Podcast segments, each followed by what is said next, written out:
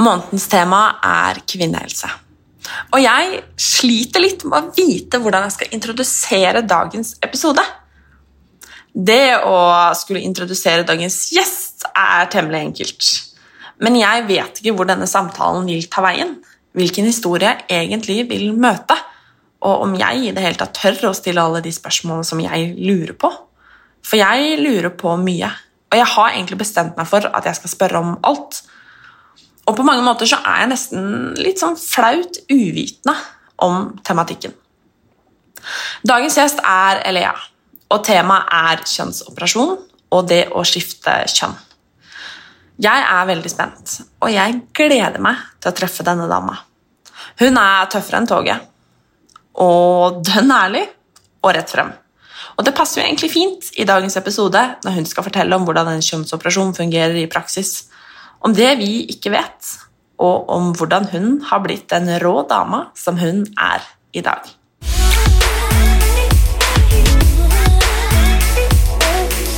Når var første gang du følte at du ikke hørte hjemme i det skjønnet som du hadde? Eh, jeg tror det er fra før jeg selv kan huske. Eh, jeg har jo fått gjenfortalt mange ganger at jeg begynte å uttrykke dette, og vise at jeg følte det som jeg følte allerede i treårsalderen. Um, mitt tidligste minne selv er at jeg alltid, så lenge jeg kan huske i barndommen, hadde to sett med julegaver. Ett på rommet og ett i stuen med familien. Der åpnet guttelekene foran familien, og så gikk jeg, mamma og min søster inn på rommet og åpnet jentelekene. Så det er mitt tidligste minne fra det, men eh, det har nok startet mye tidligere enn jeg selv husker, da. Mm. Var det fordi at eh, det ikke passa seg helt å få det som vi kaller liksom jenteleker på julaften? Jeg tror det hadde gått helt fint å få det i min familie. Jeg tror nok alle visste, men jeg visste ikke at alle visste. Um, de har alltid vært støttende og sånn, det var bare min egen usikkerhet rundt det som gjorde at jeg eh, ville åpne de aleine, da. Mm. Det må være en enorm konflikt?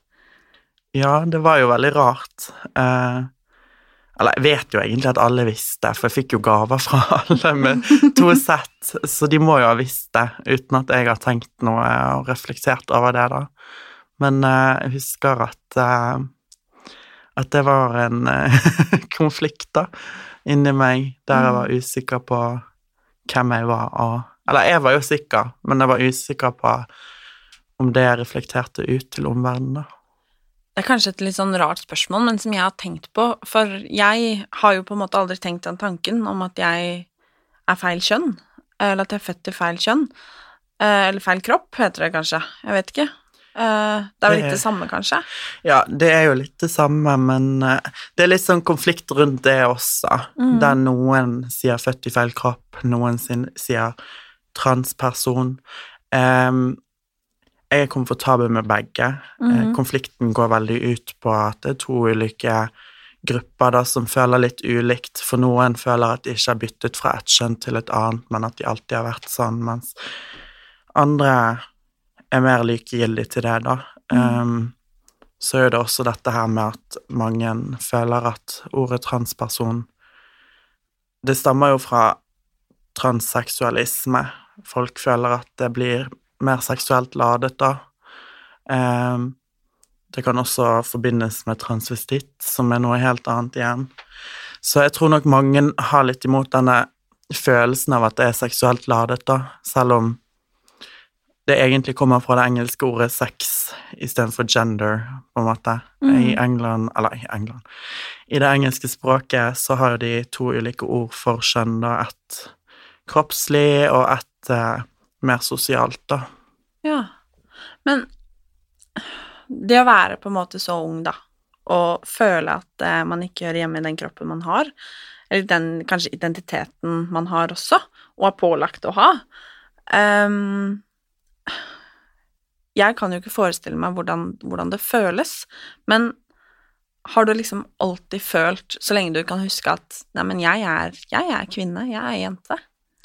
Ja, jeg har jo det. Jeg husker at uh, vi begynte med svømming i andre klasse på barneskolen. Og jeg husker jeg var så forbanna over at jeg måtte i guttegarderoben. Jeg husker jeg kjeftet på læreren min og hans reaksjon på det var ikke bare 'ja, ja, du får en egen garderobe', eller noe sånt. Hans reaksjon var å prøve å tvinge meg til å kle meg naken og dusje med alle andre. Og da husker jeg at jeg ble veldig lei meg, for jeg møtte på sånne situasjoner der jeg ikke kjente meg igjen. Eller identifiserte meg med den båsen de ville putte meg i. Mm. Så det har vært mye sånne stunder der det har vært veldig uforståelig for meg som et barn, da. Mm. Kan du forstå at mange på en måte sliter med å forstå? Når jeg ser tilbake på det Dette var jo i 2006-2007. Mm. Det var nok ikke like mye åpenhet og informasjon rundt dette på den tiden. Men jeg husker også at vi hadde en ansatt på skolen som også hadde skiftet kjønn, bare andre veien. Så man skulle jo på en måte tro at de hadde visst bedre, da. Jeg ble jo også kontaktet av han ansatte mange, mange år seinere, sikkert ti år seinere, der han sa han var stolt over at jeg kom ut, og at han alltid hadde visst det. Så Men denne prosessen, hvordan har den vært å på en måte være være barn og vite at 'neimen, jeg er jente eh, med en annen kropp' enn hva Altså bli kategorisert som gutt, da. Hvordan har prosessen vært fra da til nå? Det har tatt jævlig lang tid. Mm -hmm. um, jeg husker jo at jeg begynte å si det med egne ord. Um, eller kanskje ikke si det med egne ord, men luske litt uh, rundt med det, da. Eh, fordi jeg husker at det gikk en dokumentar om det på TV, men den var sykt sein på kvelden. Og av en eller annen grunn så lot mamma meg være veldig lenge våken den kvelden i forhold til hva en eh, ja, åtteåring burde. For mamma har jo alltid visst det. Hun har ringt sykehus, hun har ringt leger, psykologer om dette helt siden jeg var i treårsalderen. Og den kvelden fikk jeg lov å sitte opp oppe. Vi så den dokumentaren sammen, og husker at jeg sa noe som Hva hadde vi gjort hvis jeg eller broren min hadde vært sånn, hadde vi flyttet og sånne ting. Da jeg hadde prøvd å stille sånne spørsmål, og da fikk på en måte mamma den bekreftelsen hun trengte. Men så ble hun anbefalt å vente til jeg sa det rett ut, og det tok vel kanskje to år til, så jeg tror jeg var ti år når jeg sa det med egne ord, og Men på den tiden så ble jeg veldig mye mobbet for å være feminin, og fikk mye slengbemerkninger på grunn av det, så jeg turde ikke komme ut med det. Det var vel først når jeg var 13 år jeg sa at nå må vi gjøre noe. Og da ble jeg eh, henvist tilbake til BUP, altså barnepsykologen, eh, som da henviste meg videre til Rikshospitalet. Og hun, psykologen min på BUP hadde jo også alltid visst dette. Det var For min del så visste ikke jeg at alle visste. Jeg klarte ikke å se den realiteten i det hele tatt. Eh, men alle visste visst, da. Og jeg visste ikke at alle visste.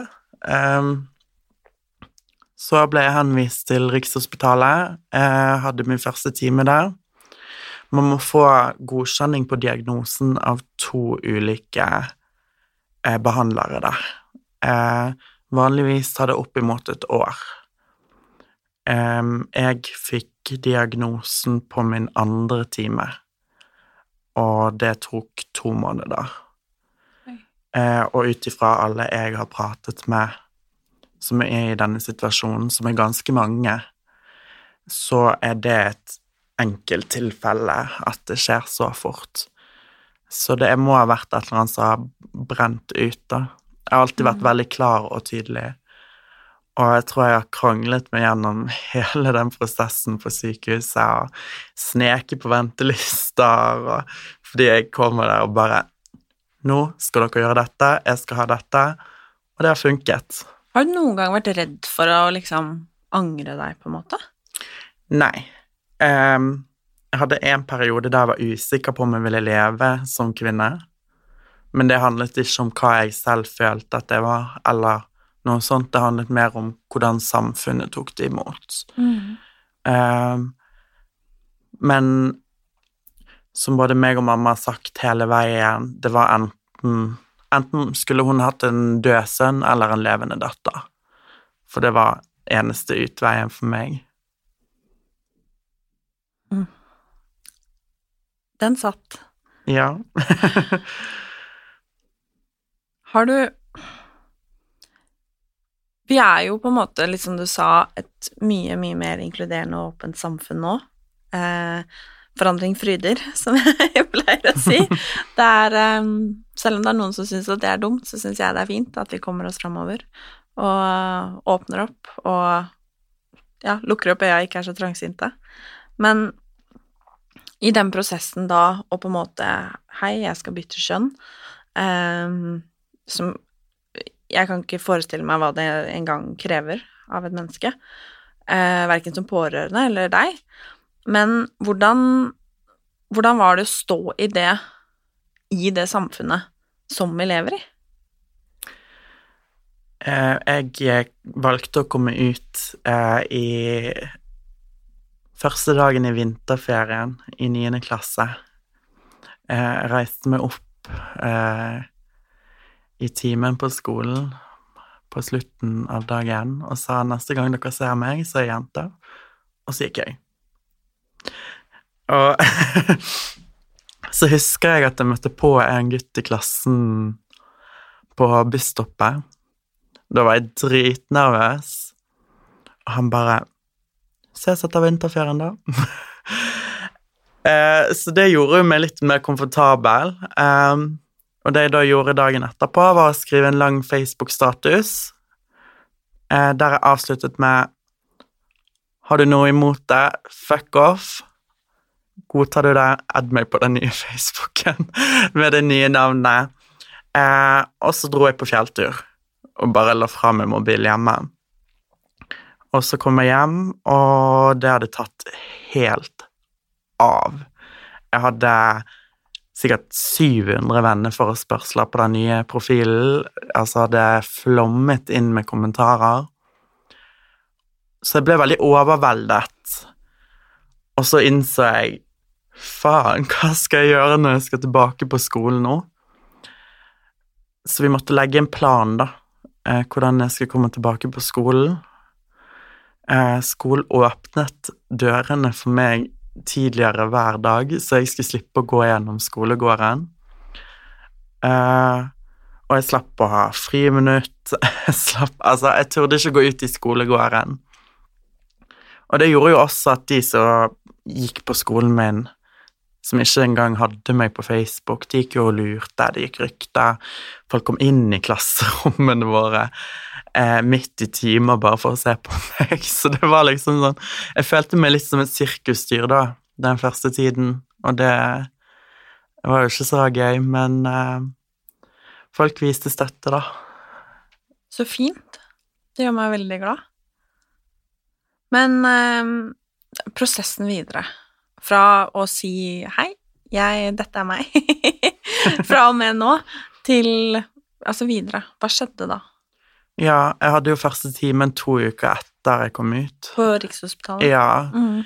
eh, så jeg husker at det Da følte jeg at ting var i gang, så jeg fikk litt mer ro i sjelen. Så begynte jeg på hormonbehandling november for syv år siden. Og jeg husker første min, det var, det var som om jeg var på Happy Drugs. Jeg husker at uh, egentlig så sendte de resepten til uh, apotek, nærapoteket mitt i Bergen. Jeg bare nei, det kan dere drite i, dere. jeg skal ha det her på apoteket nede i kjelleren. Eh, og da ble jeg et helvete å ha med å gjøre når jeg begynte på de hormonene. Det var eh, følelser i spinn, jeg var sur, gretten Altså, det gikk opp og ned hele tiden. Så jeg var nok ikke det enkleste mennesket å ha med å gjøre på den tiden. Eh, så stabiliserte det seg litt til slutt, da. Eh, og to uker etter jeg fylte 18 år, så opererte jeg for første gang. Hva opererte du da? Eh, da var jo det en eh, Det hadde vært sånn regel om at du måtte sterilisere deg for å endre juridisk kjønn. Mm. Så når jeg var inne til samtaler om operasjon, så fikk jeg beskjed om at eh, ja, du må fjerne testiklene samtidig så du tar silikon for å kunne endre juridisk kjønn. Eh, og så endret den regelen seg litt før jeg eh, skulle operere, men jeg valgte å likevel gjøre det, fordi enklere å ha med å gjøre, ferdig med det, ikke noe sjanse for at det blir noe testosteronproduksjon i kroppen min og sånn. Så da tok jeg silikon og fjernet uh, ballene. da må jeg bare stille et spørsmål om det, eller noen spørsmål, for mm. det, er, det er mye jeg lurer på rundt det. For det første så lurer jeg på når du ja, er ungdom, liksom, så begynner man å utforske kroppen sin. Og hvordan har det vært å utforske en kropp du ikke har følt deg hjemme i? Eh, det har jo vært eh, lite utforsking. Altså, jeg, mm. jeg tror ikke engang jeg visste hva sex var før jeg var sånn 17, liksom. Fordi jeg hadde, jeg hadde, ingen personlig relasjon til det der, da. Mm. Um, så jeg begynte ganske seint å i det hele tatt bare tenke på det. Uh, og jeg var veldig ukomfortabel med kroppen min på den måten. Mm. Det ble mye bedre når jeg fikk eh, tatt silikon, da. Eh, da følte jeg i hvert fall at det var mye mer på plass. så jeg har jo ikke fullført en mannlig pubertet noensinne. Så min pubertet kom jo ganske seint. så jeg tror det har påvirket veldig min sånn utforsking av kropp og mm. seksualitet, da. Ja, for jeg bare tenker det, altså Det å skulle på en måte ha en penis, liksom Altså sånn Man gjør jo andre ting med en penis og en, altså et, et, kvinnelig kjønnsorgan, liksom. Um, og jeg har liksom lurt på det, da. Hvordan, hvordan er det å leve med et kjønnsorgan man ikke ikke vil ha, liksom? At det må være veldig begrensende, både ja, sex og samliv, liksom, men med kjærester og dating og, og Ja, og det som man tenker er naturlig, da, kanskje spesielt i den alderen man er i, som du var i da? Ja, altså eh, Mitt kjønnsorgan på den tiden ble bare brukt til uh, urinering. Mm. Um, jeg, ble faktisk, jeg var faktisk mye mer populær blant gutter på den tiden. Jeg tror jeg var litt sånn en måte de kunne utforske sin seksualitet på uten, uten at det ble gay, da, eh, mm. eh, i anførselstegn. Eh, så jeg merket at det var veldig mye sånn seksualisering av meg, når jeg selv ikke følte meg som et seksuelt vesen på den tiden på grunn av kroppen min. Eh, så ja Det har vært mye hindring der, da. Eh, men uh, jeg har nå hatt både kjærester og andre venner. Mm. Og godt er det. Godt er det. Det fortjener jo du òg, på lik linje ja, som alle andre. Absolutt. Men um, hvordan Altså sånn med å kle seg og sånn, når man uh, har Altså, det er jo litt synlig Jeg vet ikke hvor mye badetøy du nødvendigvis ikke, liksom, men det er jo altså kvinnelige klær, da, eller hva man skal si, de sitter jo gjerne litt tightere og disse tingene her. Hvordan var det? Nei um, Jeg hadde på meg fire truser konstant. Hadde du det? Ja, Oi. for da fikk jeg det flatt nok til at det ikke var noe synlig på noen som helst måte, uansett hva jeg gikk med, om det var skinny jeans eller joggebukse. Eh, jeg brukte faktisk aldri en bikinitruse. Jeg eide ikke engang en bikinitruse før jeg opererte nedentil. Så den delen føler jeg jeg har mistet litt ut på, da. Jeg har ikke akkurat eh, vært den enkleste å få med på stranden, eh, men ja, jeg føler ikke jeg har gått glipp av så mye, egentlig. Føler du at du gikk glipp av på en måte sånn med kjærester og forelskelse og sånn på den tiden òg, eller var det Altså, du var ikke der, liksom? Det var ikke der fokuset ditt var? Altså, jeg var jo innimellom småforelsket her og der i folk på skolen og sånn. jeg husker den tiden. Ja. Da jeg var litt sånn litt småforelska her og litt småforelska der. Ja, ikke sant?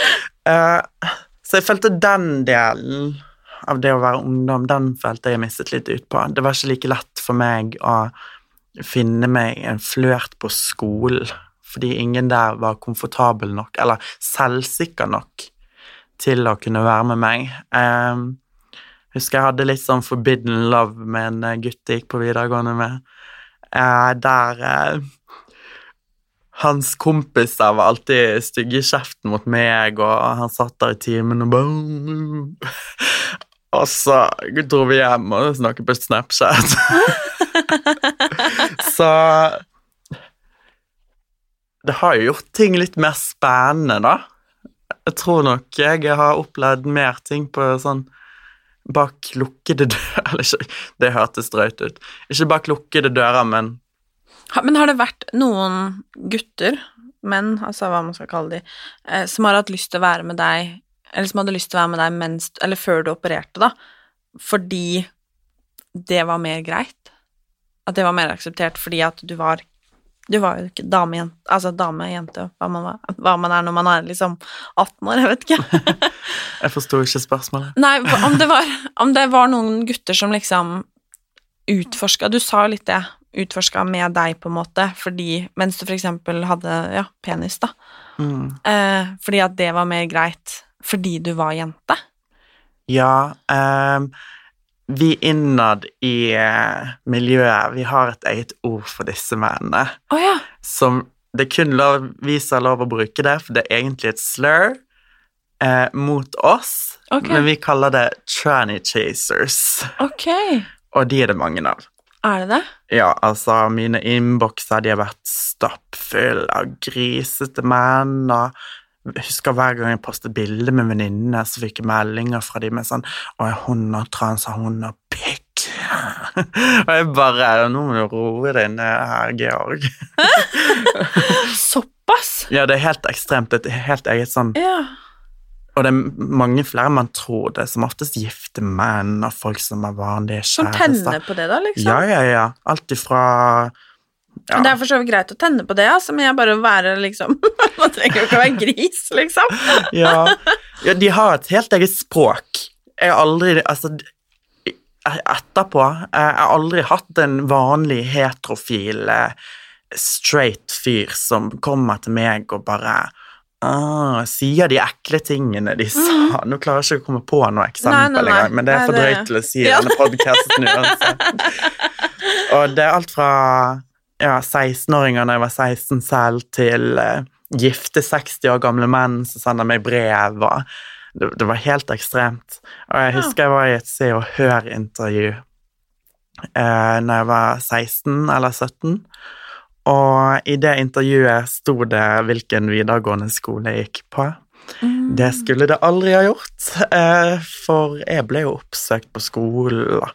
Jeg husker det kom folk bort med en og Nei, det var helt ekstremt. Så Hva ville de, da? de ville bare ligge, da. Ja. Ok, nei, men da fikk jeg svar på det. Ja. Men la oss fortsette med, med, med prosessen her. Fra å ha fått lagt inn eh, silikon, og, og ja, hvor gikk veien videre fra da? Eh, etter det så var det ganske lang ventetid. Eh, jeg utsatte den siste operasjonen flere ganger også. Hva var grunnen til, eh, til det? Nei, det var jo Altså, det er en lang operasjon. Du ligger på sykehuset en god stund, du ligger i sengeleie, du må være helt psykisk klar for det. Og i tillegg så er du Altså, du er Det er kanskje stygt å si det, men man er jo tilnærmet multihandikappet i flere uker etterpå. Så det har på en måte aldri passet seg å ta fri eh, med tanke på utdanning og skole, jobb, sånne ting. Og derfor valgte jeg å utsette det til et tidspunkt jeg var mer psykisk sterk, og eh, så begynte jeg i en jobb der de var informert om det på forhånd, at dette her kommer til å skje, og de var sånn Vi er superfleksible, du tar den operasjonen neste gang du får tilbudet. Så fint, da. Ja, Mm. så det var jo veldig greit. Så da Men jeg tror ikke helt jeg hadde forventet at jeg skulle ligge der så lenge som jeg gjorde, og være vekke så lenge som jeg var. Så Hvor lenge det- var du borte? Jeg lå på sykehuset i syv uker. Um, man skal egentlig bare ligge i to uker, men eh, jeg fikk utrolig mye komplikasjoner. Ja, fortell. Få høre. Fra Altså, fra du skulle operere. Ja, jeg, jeg hadde en kjæreste. Eh, jeg opererte i september 2019. Meg og han slo opp rett i starten av sommeren det året. Og jeg hadde Han hadde da vært utro og gitt meg klamydia. Og visst at han har gitt meg klamydia, uten å si det til meg. Og når jeg da fikk sånne spørsmål på forhånd eh, av eh, operasjonen der jeg fikk eh, spurt om ulike ting, som eksempel kjønnssykdommer, da. Man fylte ut sånne skjema. Og da eh, sa jeg ifra at det, det, altså, det er ikke mulig. Jeg har bare vært med han nå. Og det er jo kanskje den største tabben i mitt liv. For det gikk veldig gale. Hva skjedde? Jeg husker at selve operasjonen, den var veldig vellykket. Eh, Jeg våknet eh, ganske mange timer seinere. Jeg hadde også vært helt rolig i forhånd, på forhånd. Eh, Jeg var helt avslappet og hadde en sånn fred i sjelen min. Jeg hadde vært på God morgen Norge uken før og snakket om dette. Der satt jeg for øvrig med influensa 40 feber og prøvde å skjule det på nasjonal TV for at jeg ikke skulle få utsatt operasjon. og det funket, da. Eh, men ja, da tok det vel tre dager der alt var fint. Og operasjonen tar jo ca. seks timer. Jeg tror jeg var under i ca. åtte, så det tok litt lengre tid. Og jeg hadde mye besøk av mamma. Hun var der med meg hver eneste dag gjennom hele sykehusoppholdet. Hun bodde i leiligheten min med roomien min, og de ble bestevenner. Og Men eh, så dag fire, på en torsdag, da husker jeg at det begynte med at jeg fikk litt problemer med venefloner. Så kom feberen, og jeg husker at jeg hadde en sprekt veneflon. Og jeg hadde feber, jeg måtte få smertestille, febernedsettende, kvalmenedsettende, for jeg var så dårlig. Og jeg husker han sykepleieren sto der og presset på, og jeg bare med den er sprekt, den er sprekt'. Og så bare eksploderte den hele jævla veneflonen i hånden min. Fordi han eh, Nei, det var helt jævlig. Og da tror jeg han ble litt stresset, han sykepleieren. Så jeg, jeg tror jeg lå der i over en time uten at de gjorde noe. Og jeg bare ligger der og holder på å omkomme, nærmest, føltes det ut som. Og jeg hadde roomien min der, og hun måtte, hun måtte selv gå og hente vann til meg fordi jeg skulle ta febernedsettende. For de klarte jo ikke å gjøre noe. Og da satt mamma på en middag nede på Aker Brygge, og hun trodde jo alt var fint, da, for jeg var helt fin når hun dro. Og så bare ringer jeg henne, og jeg husker hun fikk helt panikk. Så hun kommer jo styrtende inn der og klikker. og da tok de av meg bandasjen, og jeg var blitt helt grønn. Bandasjen der nede? Ja, Ja. jeg var helt grønn. Og det er en sånn lukt, altså hvis det lukter noe så tilnærmet den lukten, så var Altså, det er helt sykt. Det var grønn, og det stinket uvær. Såpass? Ja, så Oi. da hadde jeg eh, utviklet eh, den første infeksjonen min, da. Og måtte hasteopereres og begynne på sterk antibiotika. Eh, I tillegg tålte jeg ikke morfinen, så jeg var jo superdårlig. Eh, epidural var satt feil, så jeg var blitt uh, lammet i ene beinet mitt. Uh, og så begynte det å gå på bedringens vei, og så plutselig datt all huden inni der ut, så What? Ja, så jeg måtte ta en stor hudtransplantasjon fra lårene mine. Har ganske store arr der nå fra det, for å putte inn i vaginaen, da. Ja, opp inn liksom i kjeden, da. Ja. Ja, ok, ja. Og så utviklet det seg bare verre og verre og verre, og jeg bare Vet du hva, nå kommer jeg faktisk til å dø. Og jeg var helt sikker på at jeg kom til å dø, og ingen ga meg nok informasjon. Jeg husker at jeg skulle på en vanlig gynekologsjekk, som vi da måtte ta i narkose, for jeg var hysterisk. Jeg tror jeg lå der og skrek 24-7 i fem uker tilbydde en sykepleierstudent hele sparekontoen min hvis hun kunne knivstikke meg. Altså, det var så Altså, jeg har aldri hatt det verre i mitt liv, og jeg unner ikke min verste fiende engang. Og jeg har vært ganske stille med å fortelle detaljert om det, for jeg har vært redd for at andre skal være redd for å ta den operasjonen. De som kommer etter meg, da. Men det handla vel egentlig ikke om selve operasjonen, men om at du hadde en kjønnssykdom? Ja, og det fant jo de ikke ut der heller. Nei. og infeksjonene hopet seg opp, og jeg fikk sopp i munnen og mistet smakssansen og alt bare Det var jo ikke måte på. Nei. Så da Jeg har vært gjennom, som jeg kan huske, 14 operasjoner. Og jeg er fortsatt ikke ferdig.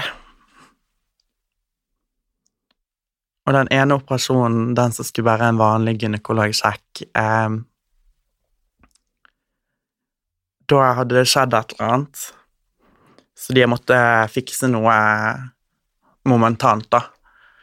Og da husker jeg at de hadde for det første gitt meg for lite anestesi, og de hadde gitt meg smertestille nok til en gynekologsjekk og jeg våknet aleine på sykesalen, eller operasjonssalen, da, i hysteriske smerter. Jeg måtte fraktes ut av sykehuset, for jeg lå og skrek sånn Eller ut av, ut av operasjonsetasjen, for jeg lå bare og hylte. Og de måtte putte meg under igjen på rommet mitt fordi jeg hylte. Jeg slo sykepleiere i fjeset, for jeg hadde så sinnssykt vondt. Og Nei, det er kanskje Det var kanskje den verste operasjonen. Den var verre enn den første. Den første var ikke vond engang. Men dette, det Altså, jeg følte jeg ble spist opp innvendig av haier eller et eller annet sykt beist. Det var insane. Og mamma var jo der hver dag, og stakkars mamma. Hun har vært med på en eh, karusell, for å si det sånn. Jeg fikk mye besøk. Prøvde å begrense hva jeg postet om det, fordi det var såpass ille. Eh, men så ble det bedre. Eh, foten var fortsatt vond når jeg ble skrevet ut, da. Men jeg fikk mer og mer følelse. Var det der du hadde blitt lamma, holdt jeg på å si? Ja. ja. Så når vi sluttet med epidural, så tror jeg det tok tre uker før det begynte å roe seg. Jeg kunne, jeg kunne på en måte Jeg gikk med sånn der eh, gåstol. Jeg følte mm. meg som en 60-åring. Jeg gikk ned eh, sikkert 20 kilo på sykehuset. Jeg var jo bare et skjelett til slutt. Og Nei, jeg var rett og slett skikkelig syk. Og så husker jeg at jeg endelig ble skrevet ut, og da var jeg nesten sånn Jeg vil ikke dra, dette har blitt igjen med meg. Og man blir jo helt Altså, jeg tror jeg fikk Stockholm-syndrom med det sykehuset, ass. Det, altså, jeg ville ikke dra. Jeg tror det var bestevenn med alle sykepleierne. Det var, altså, det var jo livet mitt. Mm. Og så husker jeg var ganske deprimert av tanken på at uh, Jeg følte det skjedde så mye utenfor sykehuset. Mens jeg var bare låst inne på disse ti kvadratmeterne såpass lenge. Og jeg husker jeg satt og så på folk eh, feste på Snapchat. Jeg bare faen heller. Og eh, Så det første jeg gjorde en uke etter jeg kom ut av sykehuset, var å dra på fest. Hvordan var det? Um, jeg hadde, måtte sitte på en sånn donut som uh, egentlig er for når folk brekker halebeinet. Mm. Så jeg satt på den hadde den med på byen. Glad i en fest, med andre ord. ja, jeg måtte holdes opp av folk, og dørvakten bare 'Jeg må fylle.' Jeg bare 'Nei, jeg er bare nyoperert.' Og så viste jeg denne donuten, og de bare 'Ok, greit'. Men hvis man ser bort ifra på en måte disse traumene, åpenbart, fra disse komplikasjonene, eller hva man skal kalle det um, Det å våkne opp da med et nytt kjønnsorgan, hvordan, hvordan var det? Vet du hva, jeg var så ruset at jeg kunne hatt en blomst der for min del. Det Altså, jeg hadde så mye drugs i det systemet mitt mens jeg var der, og jeg, jeg var jo der så lenge at jeg begynte jo å få abstinenser når jeg sluttet på de. Og jeg husker at eh, Ja, jeg husker ikke så mye. Eh, og en annen rar ting var at eh, TV 2 hadde på Facebook da postet den der eh, saken fra God morgen Norge. Den hadde de postet mens jeg var i narkose. Uten at jeg visste om det. Så mens jeg lå på sykehuset der, da, så fant jeg ut om den saken. Og det var sikkert 1000-2000 kommentarer, og folk kriget i kommentarfeltet. Så jeg følte på en måte at den gleden jeg ventet og håpte på og egentlig ville hatt, ble på en måte ødelagt av kjipe folk i kommentarfelt og smerter og Men jeg har på en måte konkludert med at selv om alt var forbanna dritt, jeg hadde gjort det igjen. Mm. Hvordan i alle dager var det å gå på do og tisse?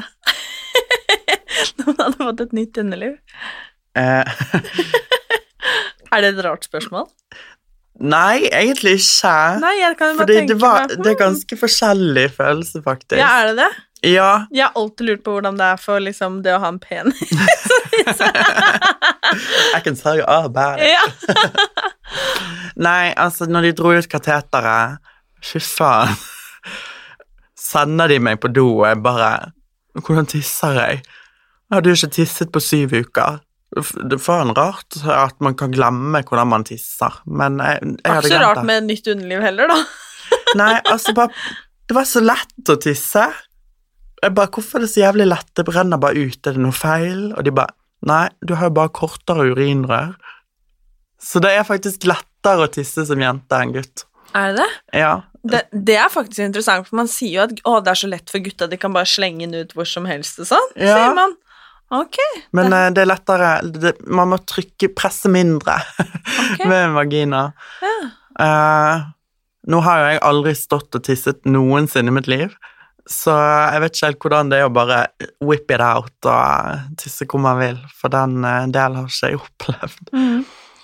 Så, eh, men eh, ja, det var jævlig rart. Og så måtte de ta sånn skann om se om jeg klarte å tømme blæren, og det var så mye greier. Men Dette er innvikla, da. Men sånn Jeg vet jo hvordan mitt underliv ser ut, liksom. Er de like? Um, hvis man ser bort ifra de som har synlige arr, så sies det at selv en eh, gynekolog mye mulig ikke hadde sett forskjell. Jeg vet ikke om det stemmer, men det er det jeg har blitt fortalt. Eh, Det er fantastisk, da. ja, jeg fikk jo kallenavnet pornofitte, da. Designer pussy. Men, eh, men eh, Hvordan følte du det, da? Når du på en måte Jeg skjønner jo at det at det gikk som det gikk, på en måte, med disse komplikasjonene, tok Kanskje tok bort fokuset litt, liksom, men når du, når du kom hjem og kanskje fikk landa litt etter hvert, hvordan, hvordan følte du det da? Hvordan hadde du det? Det tok jo en stund før jeg kom ut av denne boblen, da. Nå høres jeg ut som Paradise-deltaker her jeg sitter. Men man kommer i en sånn boble, eh, og når man kommer hjem, så må man bruke en eh, dildo tre ganger daglig. Eh, hver dag i et halvt år. Men til slutt så ble det litt for mye for meg, egentlig. Hvorfor måtte du bruke, bruke dildo så mange ganger om dagen? Nei, altså, det var jo ikke helt frivillig, da. Um, eh, man skulle jo tro at det var for å utforske og sånn, men det var det ikke. Det var en svær, hard eh, dritt i fire forskjellige størrelser som man rett og slett må bruke for å ikke gå igjen. Og det var vel egentlig der mine traumer tok overhånd, og jeg ikke klarte å fullføre det. Så jeg må jo inn igjen for å reåpne vaginaen min. For jeg har klart å grå den igjen. Så det er liksom stengt? Altså, det er en åpning der. Jeg hadde sikkert fått inn noe hvis jeg prøvde, men uh, the, the shop is closed. ja, bokstavelig talt. Kiosken er stengt. Gutta, no DMs. No. men hadde du sex når du var ferdigoperert? Eh, ikke i vaginaen. Ikke i vaginaen? Nei. Nei. Eh, jeg lurer sånn på hvordan liksom det hadde vært, holdt jeg på å si. Altså, mesteparten av følelsene ligger jo da i klitorisen, da. Mm. Eh, så jeg har full følelse av Jeg kan eh, få orgasmer, jeg kan Altså På samme måte som, en, som om du hadde vært født med Ja. livet? Ja. Og det er til og med enda mer sensitivt enn når jeg hadde penis, fordi Jeg vet ikke. Sikkert fordi det er operert, da. Mm. Man det- sier jo at kvinner har mye mer sånne nervetråder, eller hva det er, da. Ja, jeg tror ikke akkurat de har lagt inn flere er nervetråder i meg. Men eh, Men du får det allikevel. yes. Men, eh, men eh, hvor lenge siden er det du opererte nå?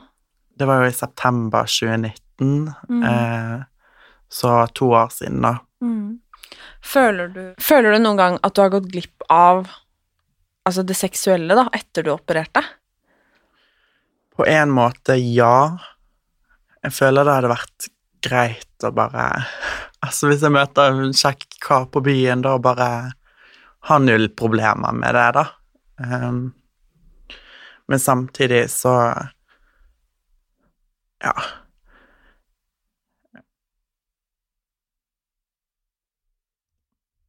At jeg har en sånn tanke, jeg må bare formulere den i hodet.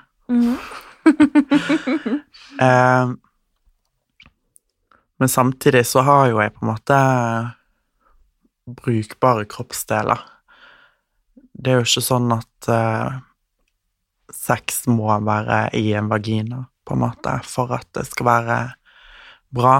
Eh, selv om det helt klart hadde vært mye enklere hvis alt var i orden, da. Mm. Hvordan er det å Eller nå vet jeg ikke hvor mye det har vært av det for så vidt heller, da. Det har jo vært korona innimellom her og Kanskje bra, sånn sett.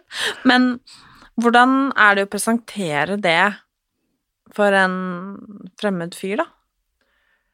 Eh, jeg er veldig sjenert eh, på sånn byen og på fester og sånt, eh, når det kommer til å snakke med ukjente gutter. Jeg er veldig utadvendt ellers, så jeg bruker egentlig bare Tinder. Og i Tinder-bioen min så har jeg skrevet Har skifta kjønn, har du noe imot det, sveip til venstre. Og slipper jeg Altså, jeg får fortsatt dumme spørsmål, men jeg slipper på en måte å bli kjent med noen, og så måtte ta den regelen når du har snakket med en fyr i to dager, og så blir han skuffet, og så blir det ikke noe mer, og da blir jeg skuffet. Altså, jeg gidder ikke å investere tid i folk som ikke vet om det og er ok med det. Så jeg har rett og slett bare prøvd å gjøre det den enkle veien med å bare være veldig åpen. Og jeg er stolt over hvem jeg er. Eh, Det har du all grunn til. Sant? Og at jeg har kommet meg gjennom alt dette og klart å kjempe for å være den jeg er i dag, og være et godt eksempel for de som kommer etter meg. det er, det er noe å være stolt over, og hvis en fyr har noe imot det uansett, så er ikke det en fyr for meg. Selv hvis jeg hadde vært født som kvinne, så hadde jeg aldri i mitt liv vært med en fyr som har noe imot at folk er seg selv, uavhengig om det er legning, kjønn, eller at folk kommer fra andre kulturer og etnisiteter. Hvis noen har noe imot folk på grunn av ting de ikke kan noe for, så altså det, det er ikke mennesker for meg uansett, uavhengig om det er venner eller en potensiell flørt. Eh, mm. Så jeg tenker at det er bare greit å være åpen om det, og man slipper ukomfortable situasjoner, da. Mm.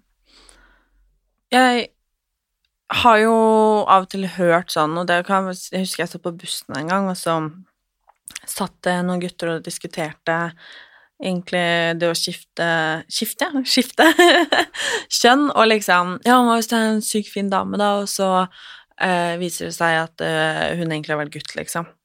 Nei, jeg kunne aldri, liksom. Aldri noen gang, liksom. Eh, og så husker jeg det begynte å For jeg syntes bare Å ja, jeg satt liksom og lytta. Altså at de sa sånn Men eh, er man egentlig homo, da? Og det er jo egentlig en interessant tanke, liksom, for jeg tror at det er lett å tenke at neimen, altså hvilken legning har man egentlig da? Eh, hva, hva, hva tenker du om det? Ok, for det første, han som var sånn 'Aldri i livet', han er den første som slider i meg DM. No fucking joke. De som er mest åpne om at 'nei, det er ikke noe for meg', de er de første som skriver til oss. Uh, og grunnen til at de har så sterkt behov for å snakke oss ned, og snakke ned det å være med noen som oss, er fordi de prøver de, Altså, de har en internalized hate against themselves. De er uten tvil de første Altså, ja, det finnes jo hatske mennesker som sikkert ikke hadde gjort det, men det er en gjenganger.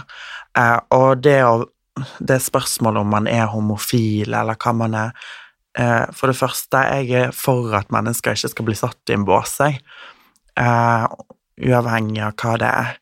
Men eh, så å si alle gutter jeg noensinne har hatt en sånn connection til, da, har vært heterofile menn både før og etter operasjonen min.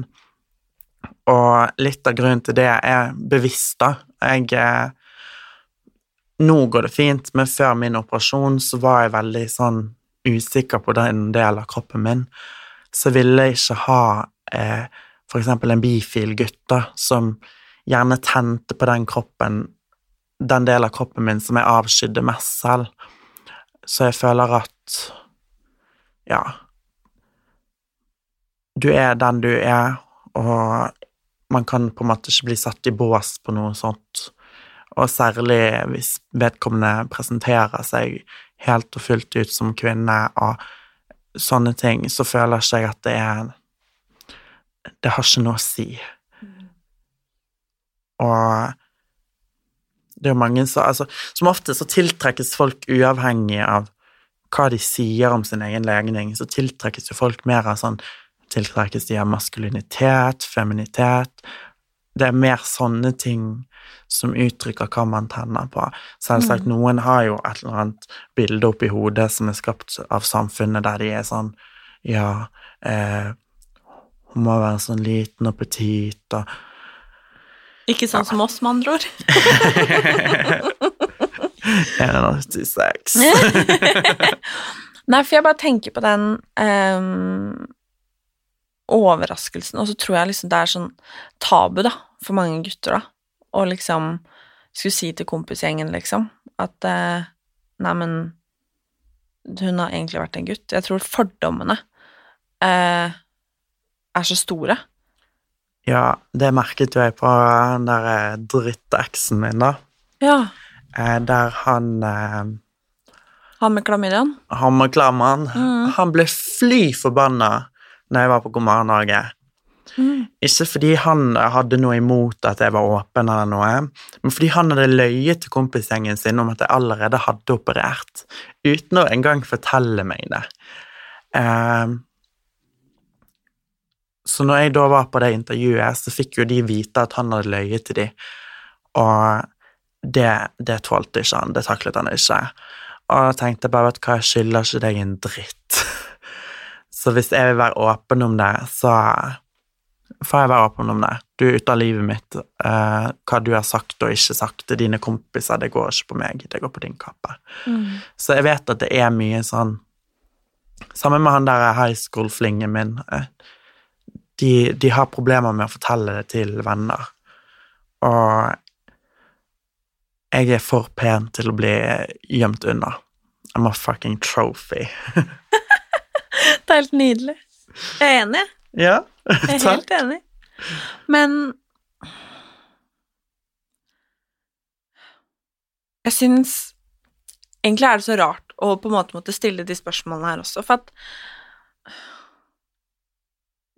du er jo bare deg, og du er helt rå, og du sitter der, og vi sitter her og prater som to, to venninner, liksom, eh, og har det hyggelig, og jeg lærer masse, og du deler, og, og det er så rart da å på en måte på mange måter skulle kategorisere deg som liksom annerledes. Fordi du er jo ikke det. Um, det spørs jo litt hvordan man ser på ting, men annerledes Ikke vi alle litt annerledes på noen måte, da? Men jeg liker jo bare å omringe meg med mennesker som ser meg for den personen jeg er, og ikke hvem jeg har vært. Så ja, jeg er bare Jeg er meg, og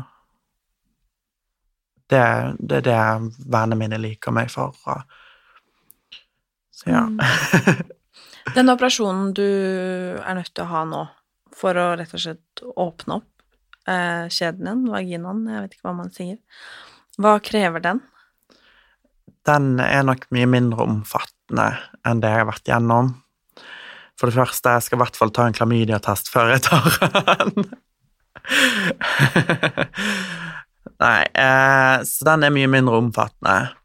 Eh, det bare handler om å få den på riktig tidspunkt akkurat nå. Jeg har ikke hastverk, jeg har mange gode år igjen. Eh, så ja, det er det egentlig. Mm.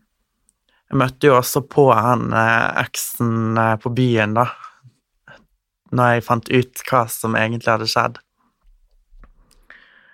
Først begynte han å grine.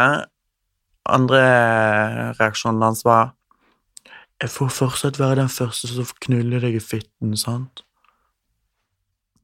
Så han mangler jo tydelig en uh, Han, han uh, fraskriver seg alt ansvar.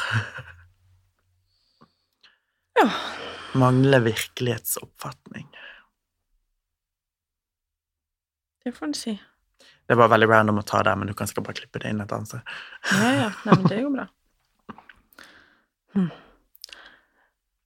Hvordan håper du at livet liksom Hvis du kan liksom beskrive drømmelivet ditt, da. Nå er du jo 22. Eh, hvis du ser liksom ja, ti år frem i tid, da. Hvordan håper du at livet ditt ser ut da? Om ti år så har jeg eh, to barn, eh, en ektemann, har min egen bedrift eller noe. Jeg må jo gjøre noe gøy før jeg slår meg til ro, da. Kanskje må litt på TV og sånt først. Vi trenger flere som meg på TV. Det gjør vi. Ja, absolutt. Så vi får se hva som skjer. Men du ønsker deg barn? Jeg ønsker meg barn. Eh, det var jo kanskje mitt største sånn issue med det å eh, gå gjennom med dette, da. Sterilisere seg selv i en alder av 16 år. Det er en stor avgjørelse, særlig når du har sett for deg en stor familie som du selv har vokst opp i, og sånne ting, men det Det var nok det største dilemmaet. Men eh, barn eh, kan man få på mange måter, så det blir barn. Adopsjon? Jeg tenker eh, kanskje adopsjon, men det er veldig strenge regler. Det er veldig mye papirer, det tar lang tid, eh, og det er dyrt. Eh, jeg har faktisk en bestevenninne eh, der planen er at vi skal eh, flytte til Danmark, og så skal, skal hun være litt sånn surrogatmor. Ja, men det Det er vel en grei plan, ja, hvis begge vil det. Ja, det var faktisk hun som tilbød seg det, og, Og det tilbød hun meg for tre år siden, og hun står fortsatt for det. Fikk en melding her en dag bare 'Ja, nå skal du ha kid', da. Så det skjer. Men um, drømmemannen, da? Drømmemannen Jeg liker litt sånn nerdegutter. altså, jeg trenger Jeg vil ha en sånn upolert diamant. En fyr som er dritkjekk, kanskje litt basic, men vet ikke selv at han er kjekk. Jeg hater gutter som er kjekk, men vet at de er kjekk. For man merker det så jævlig på oppførselen deres. Jeg trenger en som er veldig Han, må ha bakkekontakt, eh, og liker litt sånn tatoveringer, kanskje litt røft. Gjerne en som gamer, men fortsatt har tid til meg, og ja, litt nerd. Litt sånn løkka-hipster, kanskje. Ja. Hm. Men eh, føler du at du kunne data noen uten å på en måte fortalt historien din? Jeg tenker ikke er kjæreste og har fått en ekte mann, liksom, det er kanskje vanskelig å unngå, men liksom blitt med noen hjem fra byen, for eksempel, uten å ha fortalt? Eller føler du at du har liksom meldeplikt? Jeg føler samfunnet prøver å pålegge meg meldeplikt, da, mm. men jeg syns ikke selv at jeg har den. Um, altså, jeg har nå stått og råklint med randomme gutter på byen uten å fortelle dem noe, jeg. Uh, jeg har ingen problemer med det. Jeg hadde nok ikke ligget med noen uten å si det. Uh, og jeg føler at da har de mer å ta deg på. Mm. Men eh, jeg kunne fint gått på en date med noen uten å fortelle det. Det har jeg sikkert gjort òg. Mm. Men eh, med tanke på den tilstanden som er nå, da, med at det faktisk er liksom grodd igjen eh, Når du nå da kanskje prater med folk, Tinder, altså Verden begynner å bli litt friskere, i hvert fall. og alt dette her føler du på en måte sånn For sex er en viktig del av dating i 2021. Um, ehm, og ikke bare liksom et, et, en relasjon, men rett og slett ofte Eller det er jo ikke uvanlig at man ligger før man hilser på hverandre i 2021, liksom. Um, føler du vet jeg ikke om du har stått i den situasjonen, da, men føler du at når du for eksempel prater med noen eller noe sånt, at du har en meldeplikt om om tilstanden din, på en måte. At eh, hvis du eksempel er interessert i å ligge med noen, eller har tanken, liksom, føler du at du da må liksom si fra at ja, vi kan ikke Altså, penetrering går ikke her, liksom? Eller tenker du liksom at det får bare gå som det går? Um, jeg er veldig sånn uh, at jeg må ha vært på et visst antall dates før det i det hele tatt er aktuelt. Mm. Fordi at jeg tenker har lært litt, da, at eh, hvis man eh, venter litt, og de holder ut, så uh, tåler de det meste. hvis det er lov å si det sånn. Og da føler jeg også at man er blitt kjent på et såpass nivå at det er naturlig har kommet opp i en situasjon eller en samtale uansett. Så en typisk meldeplikt Nei, egentlig ikke, men det kommer fram før mm. noe sånt ville skjedd. Jeg tror det er uh, folk som lurer, uh, og jeg har egentlig fått svar på det selv, men hvilken legning kategoriserer du deg som? Um, jeg liker varegutter.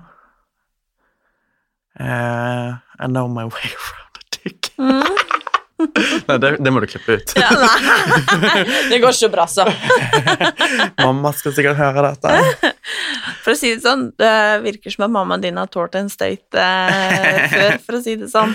Absolutt. Så for en støttespiller. Ja, absolutt.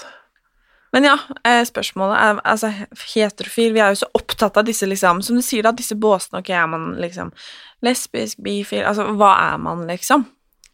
Ja, jeg eh, du trenger ikke å være noe for min del.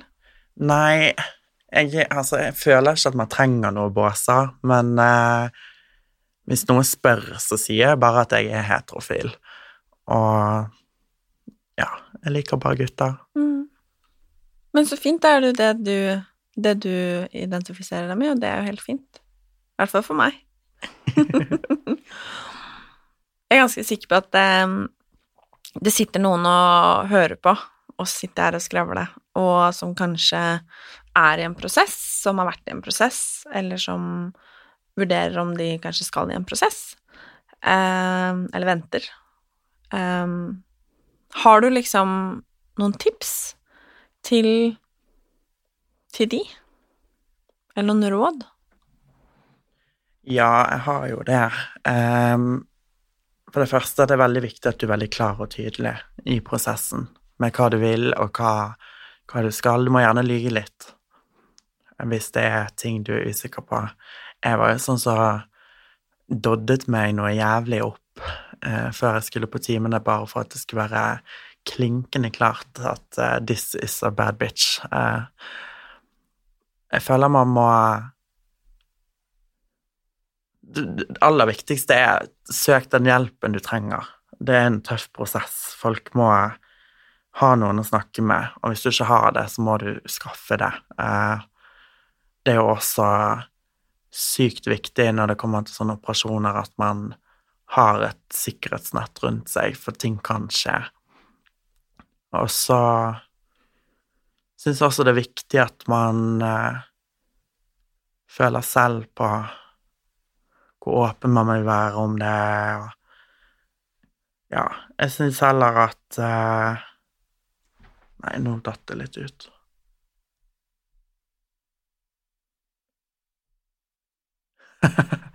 ok.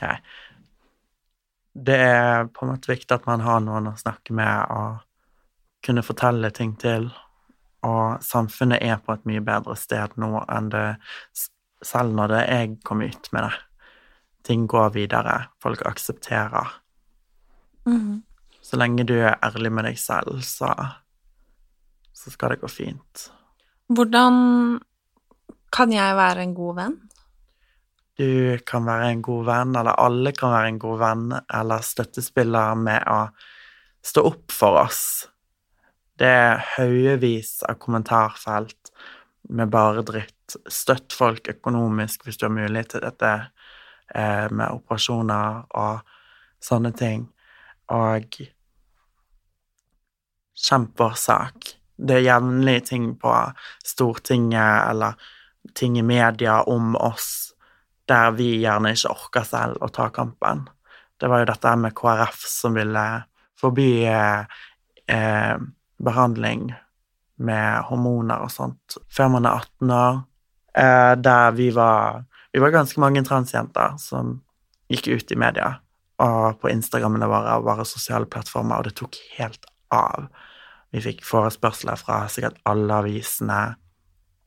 Eh, vi fikk utrolig mye meldinger av folk som ikke engang vet om at KrF holder på sånn som dette. Og det var også en sak i FPU, der jeg er fra, der de eh, ville forby kjønnsskifte. Og jeg vet ikke om det er bare enkeltmennesker som har sittet på et eh, årsmøte der eh, folk ikke har møtt opp og bare vedtatt hva faen de vil. Men eh, det har vært så mye sånne greier som folk ikke vet om, og folk ikke får høre om fordi ingen prater om det. Så prat om ting. Eh, del ting på sosiale medier, særlig de influenserne som har store plattformer. Dere kan nå ut til så sykt mange, og dere påvirker jo også den kommende generasjonen med ungdommer som gjerne følger med på dere. Og da er det viktig at man eh, tar ting opp, og sånn som du gjør nå med å ha en podkast om det. Mm. Jeg er um, veldig, veldig takknemlig og glad for at du orker å sitte her og dele og brette ut. Jeg vet at uh, det krever mye å dele, og jeg kan ikke forstå hvor mye det har kosta for deg. Men um, du er skikkelig, skikkelig viktig, og jeg har bare lyst til å si tusen, tusen takk. Jeg har lært masse. Jeg har fått svar på spørsmålene mine som om vi skal kalle de dumme, eller om det er uvitende, eller hva man skal si. Og um, takk for at du orker å svare på det. Ja, det er altså Det er viktig at man stiller de dumme spørsmålene. Særlig i denne situasjonen her, der folk skal lytte på deg, Fordi folk sitter med de dumme spørsmålene og tør ikke å stille de. Og det skaper forhåndsstemminger og usikkerhet. Så for meg er det viktig å være åpen om det som omtales som de dumme spørsmålene, fordi det er sånne småting folk lurer på, som de vil ha svar på, og da er det bedre at de får svaret, enn at de lager seg eh, egne tanker om det, da. Mm. Og tusen takk for at du inviterte meg. Eh, det var skikkelig hyggelig, og jeg er glad for at du gir plass til folk som meg i samfunnsdebatten, eller det offentlige rom, for det er superviktig. Og dere fortjener plass. Enhver fortjener plass, og hos meg så er det plass til alle. Så bra. Tusen takk for at du ville være med, og så vil jeg bare avslutte med å si at du er en skikkelig bra dame. Tusen takk for det, og det er du òg.